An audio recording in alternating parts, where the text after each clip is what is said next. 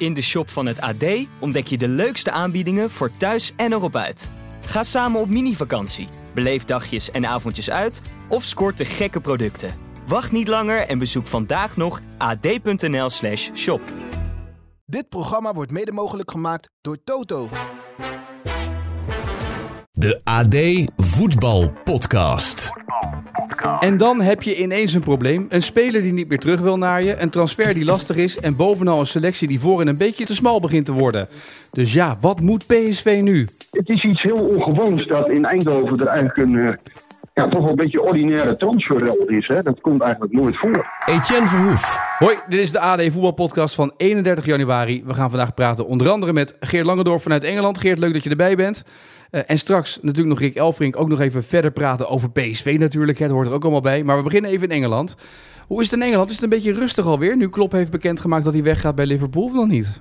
Het werd even rustig en toen kwamen er allemaal hele leuke foto's en, en filmpjes en uh, biechten vanuit Belfast, waar uh, Marcus Rashford een klein feestje had gehouden. En ja. wel zodanig dat hij volgens de, de serveerster die hij mee in een hotel had ingenomen, zo dronken was dat hij omviel tegen de muur, met kleren en al uh, in slaap is gevallen en vervolgens op een privéjet terug naar Manchester is gestuurd met, met zijn entourage. En zich toen heel erg lafjes ziek meldde. Hij was ziek, zwak en misselijk. Alleen kwam dat uit. Dus dat was een uh, behoorlijke rel. Ja, dat, dat werd nog een extra rel. Want eerst waren natuurlijk de woorden van Klop. En uh, daar kwam ook nog een klein dingetje overheen. Want Van Dijk was natuurlijk degene die ook reageerde op het afscheid van Klop. Dit waren zijn woorden toen.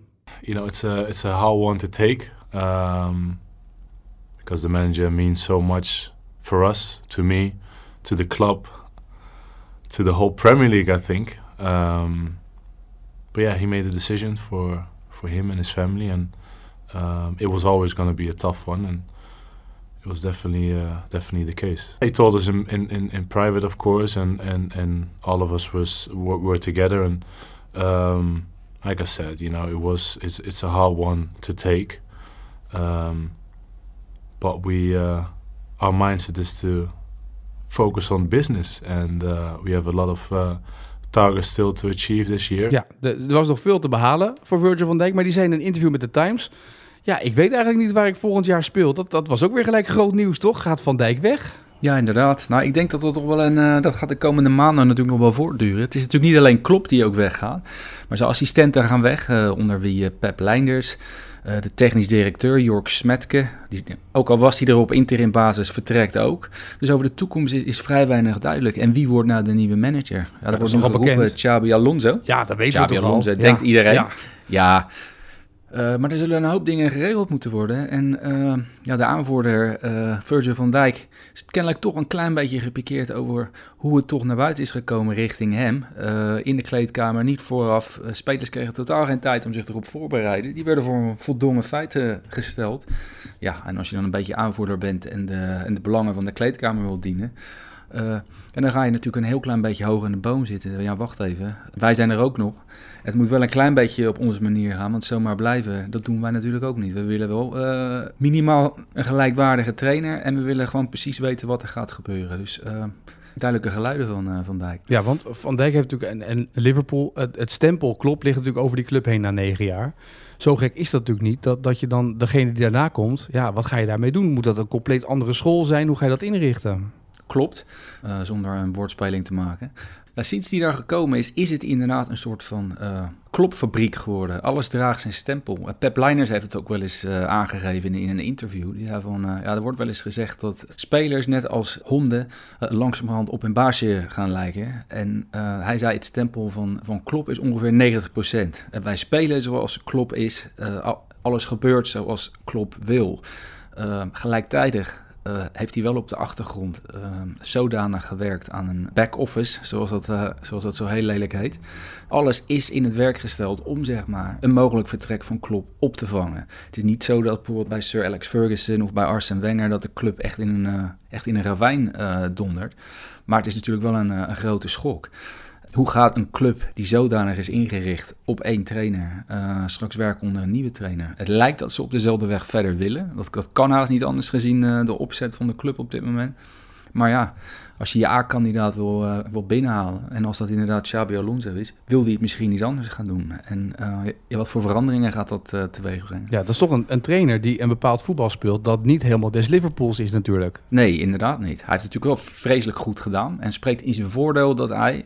dat wordt in Liverpool heel belangrijk gevonden... de mensen snapt, de club snapt... En, uh, Waarom is dat zo belangrijk? Dat Sjoerd zei dat van de week ook, of Mikkel zei dat ook van de week. Waarom is het zo belangrijk dat Liverpool een trainer wil hebben die de club snapt en de mensen snapt? Dat is van oudsher een beetje ingesleten. Uh, Bill Shankly, uh, een van de beroemdste trainers die de club ooit heeft gehad. Heeft niet voor niks ook een standbeeld uh, voor de club. Dat was van huis uit een, een socialist. in de tijd dat het nog geen sociaal-democraten waren, maar echt links. Mhm. En uh, die zich heel volks opstelde, zich, zich afzette tegen de, de gevestigde orde in Westminster. Ongetwijfeld de komst van Margaret Thatcher uh, bekritiseerde en verketterde. Mhm. En dat is ongeveer één geworden met, met de identiteit van de club. politieke meningen, die zijn net zo belangrijk daar als zeg maar, het voetbal wat wordt gespeeld. En dat klopt natuurlijk perfect. Goed begrijpt hoe de volksaard is. En dat is dus gewoon inderdaad met beide benen op de grond staan. Af en toe je gewoon je gezicht laten zien in een willekeurige kroeg.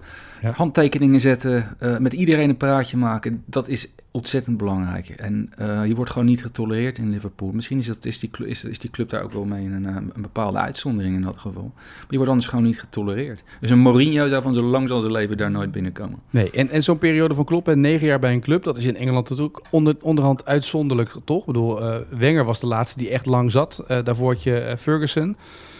Maar ja, uh, voor de rest, ja, nu Guardiola al een aantal jaar. Maar voor de rest is dat toch wel bijna ongebruikelijk.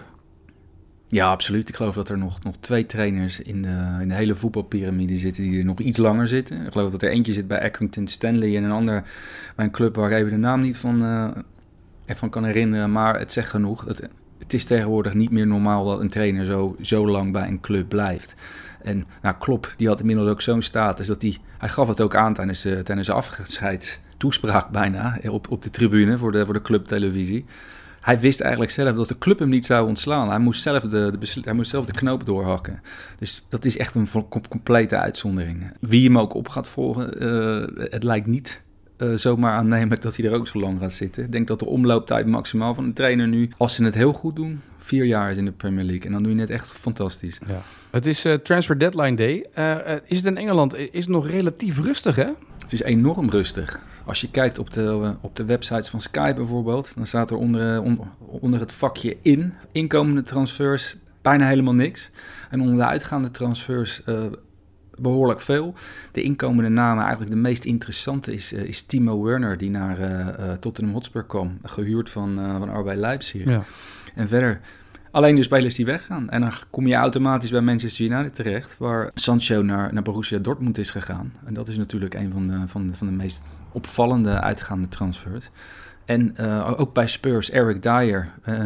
Eigenlijk niet meer een aanmerking voor, voor een basisplek. Die in één keer naar Bayern München gaat uh, op huurbasis. Ja. Dat zijn de voornaamste transfers op dit moment. Maar het kan op deze 31ste natuurlijk nog allemaal anders gaan. Want dan kan ineens de paniek toeslaan dat mensen nog gaan handelen, toch? Of denk je van niet? Nou, ik denk dat het op dit moment een klein beetje meevalt. Want de, de paniekclubs, bijvoorbeeld uh, Nottingham Forest, die, er niet zo goed voor staan, die, uh, die worden momenteel onderzocht door de Premier League vanwege uh, financiële malversaties. Financial Fair Play komt erbij om de hoek kijken. Everton zou een andere kandidaat zijn, die zitten exact in, in dezelfde problemen. En andere clubs die kijken natuurlijk heel goed mee, want die weten inmiddels wat er gaat gebeuren als je die regels overschrijdt. Dan krijg je zomaar per toets uh, 10 punten inmindering of meer. Ja. Dus ik denk dat het dit keer iets rustiger blijft voor 12 uur dan uh, morgen dan dat we normaal gewenst waren. We gaan even een uitstapje maken, want in Nederland is het een stuk onrustiger. Uh, zeker bij PSV. Want ja, daar ineens was een soort van stress. Vertessen, wat gaan we daar nou mee doen? Want die zit in Duitsland, moet hij terugkomen? Driewesh van Excelsior, gaan we die halen of gaan we die niet halen? Ondertussen kijken allerlei clubs mee op het vinkentouw. Dus even bellen met Rick Elfrink wat de laatste stand van zaken in Eindhoven is. Ja, ik ben het, Rick. Rick, staat Eindhoven in brand of niet? Uh, ja, ik ben vandaag nog even wezen kijken in het Philipsstadion of daar uh, wat spieren en uh, brandende toertsen inderdaad waren, waren geland op de Oosttribune, maar het viel mee. Ja, maar het, is nee. wel, het is wel wat aan de hand.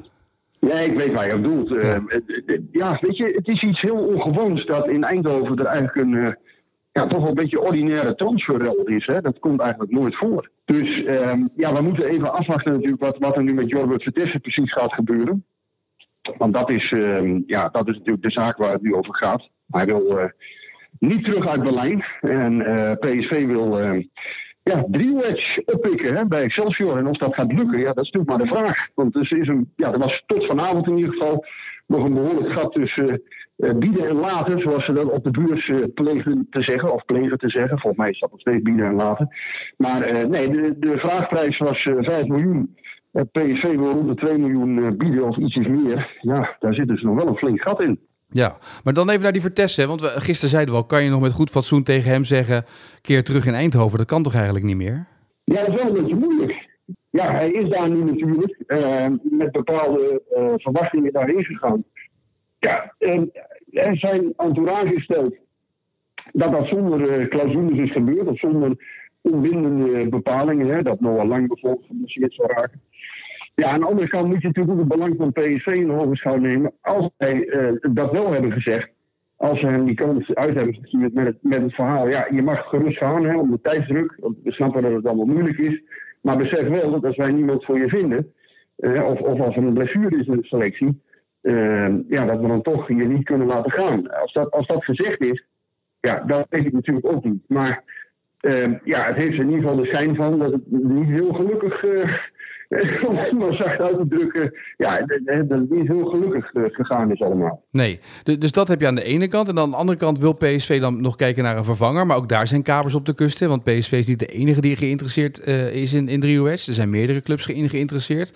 En die strijd loopt ook niet heel soepel. Ook niet des Eindhovens, toch? Ja, maar goed, Excelsior zit natuurlijk in een luxe uh, positie. Kijk, die kunnen, uh, ja, die kunnen in feite vragen wat ze willen. Deze jongen heeft een contract tot, tot medio 2025. Um, ik heb wel eens gehoord dat jij redelijk goed ingevoerd bent bij die club. Maar ja, misschien kan jij dat nog beter inschatten. Als je het zo ziet, denk je 3,5, 4 miljoen wegwezen, strik erom en PSV betalen, doorpakken. En, en huppakee. Dat, dat, dat zou je zeggen. Maar ja, goed dat is dan iets, denk ik, wat pas op de laatste transferdag uh, uh, kan gebeuren, zou je denk ik uh, zeggen. Ja, er zit nog één andere component in natuurlijk voor Excelsior. Dat is dat zij gelijk hun gevaarlijkste speler kwijtraken. En in de strijd om lijfsbehoud moet je dan ook wel iemand achter de hand hebben... die je kan binnenhalen voor de komende maanden van dit seizoen... Om, om je elftal te versterken. En dat is natuurlijk een beetje de vraag, hè? Want PSV kan ook niet zomaar een andere buitenspeler bieden... die Excelsior dan weer sterker maakt. Nee, die hebben ze niet. En uh, ja, dat, ik kan me voorstellen dat dat dan voor Excelsior een conditio sine qua non is. Zoals ze dat dan plegen te zeggen. Um, nee, het is, het is ingewikkeld. Maar ja, nu zal Excelsior proberen natuurlijk om er zoveel mogelijk uit te halen. Ja, en dat recht hebben ze natuurlijk. Hè. Bedoel, uh, uh, ja, inderdaad, wat jij zegt. ze zitten midden in een handhavingsrace. En uh, ja, als je dan je beste speler verkoopt, moet je naar je achterban ook kunnen verkopen waarom je dat doet. Nou ja, als Excelsior 3,5, 4 miljoen zou ophalen, dan is dat natuurlijk wel heel erg veel geld. Ja, dan komt er wel een verhaal bij natuurlijk waar Maarten Wijfels uh, over schreef. over het onderzoek dat PSV heeft gedaan over de vele blessures, de hamstringblessures. En als je dat dan leest en je leest zeg maar dat daaruit blijkt dat de vele trainerswisselingen bijdragen aan de hoeveelheid blessures dan denk je, ja, dat is ook een beetje dikke, eigen schuld, dikke bult dan, toch? Um, ja, dat is wel interessant, want daar hebben we deze week in onze ED-podcast ook over gehad. Dat was ook een beetje mijn aanname, hè? dat als je, als je ja, veel uh, methodes wisselt of trainers wisselt, ja, dat dat automatisch gevolgen heeft. Aan de andere kant zijn spelers soms ook zo kort bij een club, um, dat je ook moet afvragen, kijk, Noah Lang is er bijvoorbeeld pas sinds dit seizoen. Ja. ja. dan kan het misschien zijn dat hij nu in een hele andere trainings, uh, uh, een heel ander trainingsritme zit dan voorheen bij Club Brugge. Of misschien de speelstijl die anders is. Maar het is wel interessant wat, wat, wat daar geschreven wordt. Want ja, natuurlijk, uh, elk lichaam gedijt natuurlijk bij ritme, regelmaat, bij ja, toch een beetje hetzelfde doen. En ja, soms um, moet je heb je, heeft je lichaam ook een prikkel nodig, dat is waar. Maar ik denk als je, als je ja, te vaak verandert, dan kan dat natuurlijk ook bepaalde gevolgen hebben. Dus dat vind ik wel heel interessant om daar. Nou, ik, zou, ik zou er eigenlijk nog wel iets meer van willen weten. Ja, overigens, dat de PSV nu in dit geval zit. Hoe kijk je daar nou naar van een, van een afstand? Ik bedoel, heeft PSV hier nou fouten in gemaakt? Want ik bedoel, het kan toch niet een topclub. Het is toch een topclub onwaardig om in deze situatie terecht te komen eigenlijk? Ja, dat wil je niet. Uh, kijk, PSV uh, is, is hè, wat ik zei, net een club. Is een club waar uh, problemen doorgaans binnen blijven. en als, als er dan wat gebeurt, dan gaan ze een keer praten. En dan pakken ze koekjes van, van de bakker in Moensel. En dan wordt dat opgelost. Maar ja, dit is wel een echte ordinaire wel. En ehm, ja, ook niet van een speler waarvan je zegt, dat is nou een hele prominente speler. Dus dat moet je ook niet willen als club. En het gaat nou ook weer niet om bedragen dat je zegt dat ze voor PSV echt verschrikkelijk hoog zijn. Um, dus ja, op een gegeven moment moet dit natuurlijk wel opgelost worden. En dan moeten ze aan het einde van de transferwindow maar eens tekst en uitleg gaan geven. Ja, en, en, dan is het ook aan ons natuurlijk om, om kritische vragen te stellen. Van, ja, hoe, hoe kan het nou dat een speler in Berlijn zit en dat jullie zeggen van ja, misschien moet nog terugkomen. Ja. Dat is natuurlijk een beetje gek. Dat is niet heel professioneel. Het gek. Nee, het, het oogt niet heel professioneel. Nee, laat zo zeggen, het oogt gek. Ja. En, en we zullen uh, ja, natuurlijk hè, ook vinden dat je dan ook, hè, PC wil nu niet reageren. Maar ik vind dat je dan ook, hè, als, je, als je alle verklaringen hebt, dan kun je ook een gefundeerd oordeel vellen. ja. Maar eh, dat je die moet willen, dat is zonder klaar. Een hectische laatste dagje op de transfermarkt, dat is wel duidelijk, toch? Ja, uh, in ieder geval, uh, het was heel rustig in Eindhoven deze transferperiode. Maar eh, ja, de laatste week is nog even heel turbulent. We gaan natuurlijk allemaal op de voet volgen. Rick, dankjewel. volg ook Rick als je meer wilt weten over de stand van zaken natuurlijk via X en via alle andere social media kanalen. Want Rick twittert, xt uh, Instagramt zichzelf suf om je bij te houden op deze laatste dag van het laatste nieuws. Dus uh, Rick, dankjewel voor nu. Ja, en, uh, wel ja? schattig. Schattig dat jij nog een beetje reclame maakt voor mij. Altijd, Rick. Van je. je hebt er nog wel volgens nodig nog, toch? Je hebt er genoeg, maar... Stuur even een tikkie, stuur even een tikkie en nou, dan komt het, komt het in Deze krijg je gratis en voor niks. Tot de volgende, Rick. Dankjewel, hè. Top. Yo, hey. Ja, dat is wat, wat betreft PSV, de stand van zaken. Wat, wat dat betreft belooft het nog wel een, een heet laatste dagje te worden met clubs die allemaal versterking zoeken. Ik had eigenlijk wel gedacht, want je noemde net United, dat United meer zou doen deze transferperiode. Dat ze nog meer die, die loonlijst zouden willen leegmaken uh, of opschonen. Ja, inderdaad. Alleen zitten ze wel met het grote probleem dat hun salarissen inmiddels zo hoog zijn dat clubs niet zomaar die spelers willen huren. Of in ieder geval niet, in ieder geval niet het hele salaris willen overnemen. Dus dan kom je met constructies te zitten waar Man United dan 75% van, uh, van het loon moet, moet ophoesten. En dat willen clubs gewoon niet, gezien de, de megabedragen erin omgaan. En Martial bijvoorbeeld, uh, die was zeker een kandidaat. En daar hadden ze zeker ook wel water bij de wijn willen doen. Maar meneer die kreeg weer een blessure, ditmaal aan zijn lies.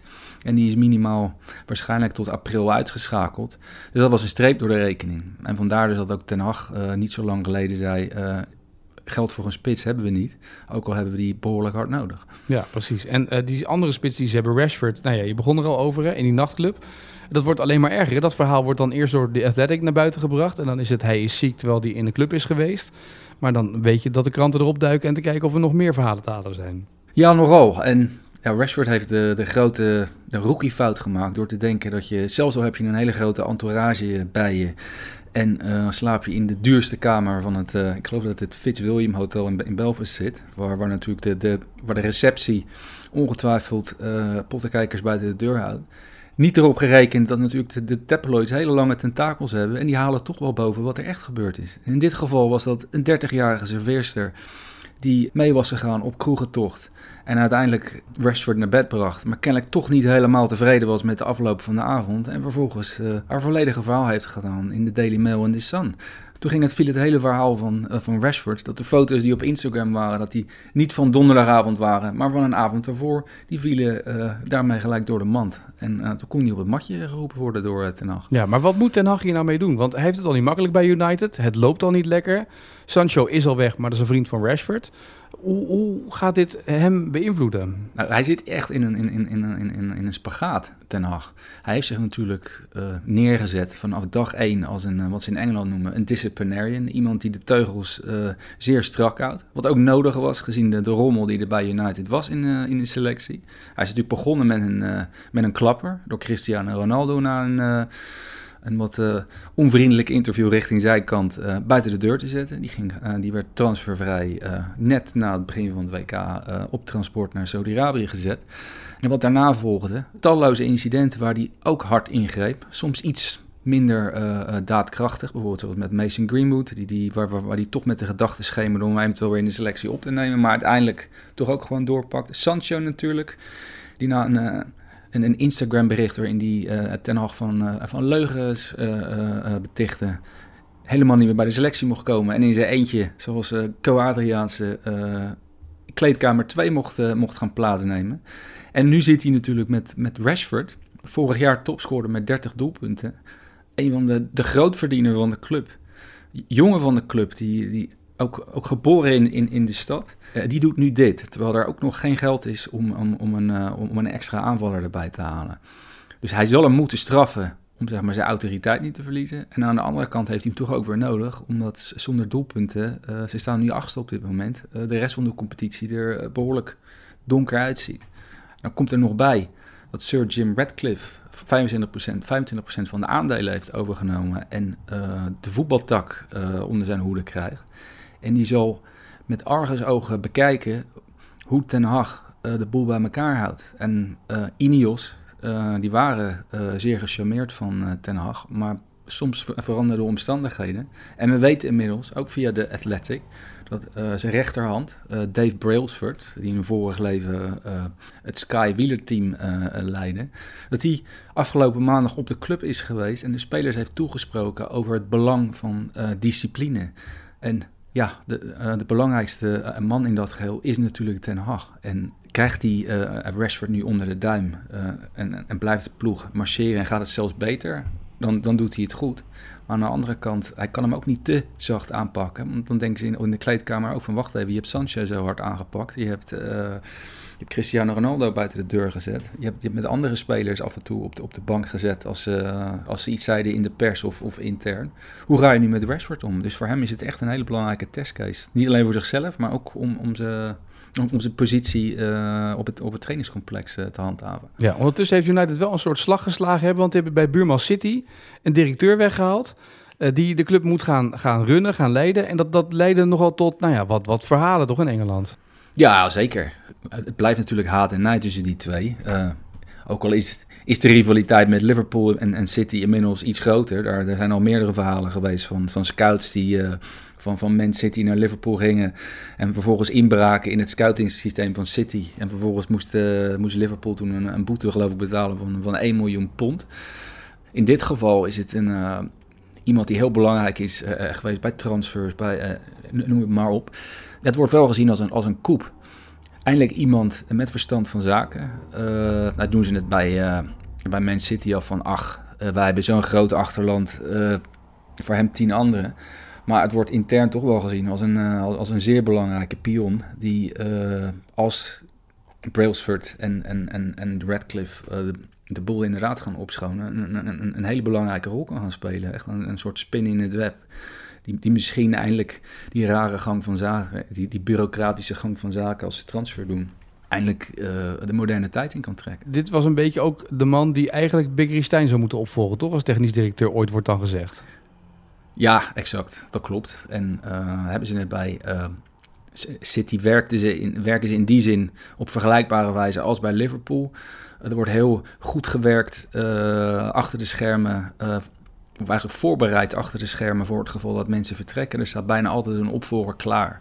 Nou, Big Stein is nog niet weg, dus ze hebben nog tijd zat om, om daar een vervanger voor aan te trekken. En het netwerk van Big Stein en Guardiola is zodanig dat er ongetwijfeld wel weer een goede kandidaat uit naar voren komt. Maar het is natuurlijk wel een, een kleine streep door de rekening. Maar ja, uh, Mikel Arteta die vertrok en die ging naar Arsenal en uh, is nu een concurrent van Guardiola. Dus in dit geval kan dat ook gebeuren. En dan lachen ze natuurlijk bij City.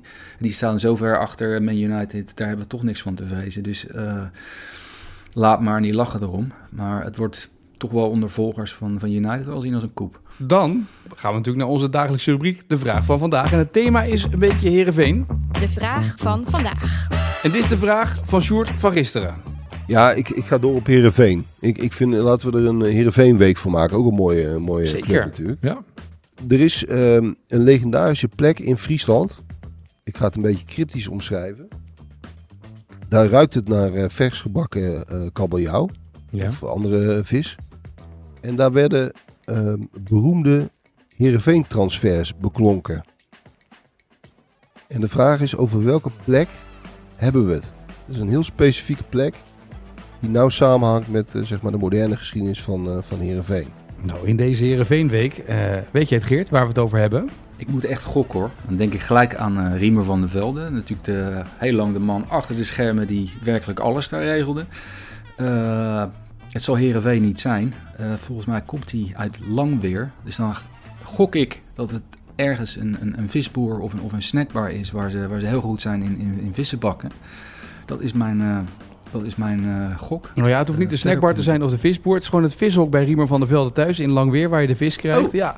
En uh, Hessel Boosma wist dit ook. Dus uh, de eervolle vermelding bij Wessel, dus bij deze ook. Want de dagelijkse trouw man die meedoet aan deze vraag van vandaag. Die had het goed, want veel mensen wisten het niet. Maar lang weer inderdaad was de plek het vishok van Riemer van der Velde. Daar waren we naar op zoek. aan jou de eer om, om de Heerenveenweek een beetje voor te zetten dan, hè? Met, met een mooie ja. Heerenveen-vraag. Met een klein bruggetje dan richting Engeland.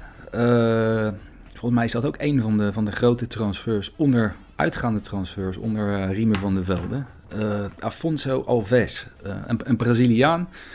Die werd weggeplukt bij Malmö. Het, het, beroemde Scandinavische netwerk van, van Foppe de Haan en, en Van der Velde. En die ging uiteindelijk naar Middlesbrough nadat hij een, een fantastisch seizoen had gedraaid voor Herenveen. Ze dachten bij Middlesbrough dat ze de nieuwe Pelé in huis kregen. Uh, dat viel heel erg tegen. waarschijnlijk was zelfs de verre neef van Pelé nog iets beter. Maar uh, de wedstrijd die hem echt in de schijnwerpers zette, uh, dat was volgens mij in 2007 tegen Heracles. nou wil ik weten van de luisteraars, velen zullen het weten, mensen die het voetbal volgen.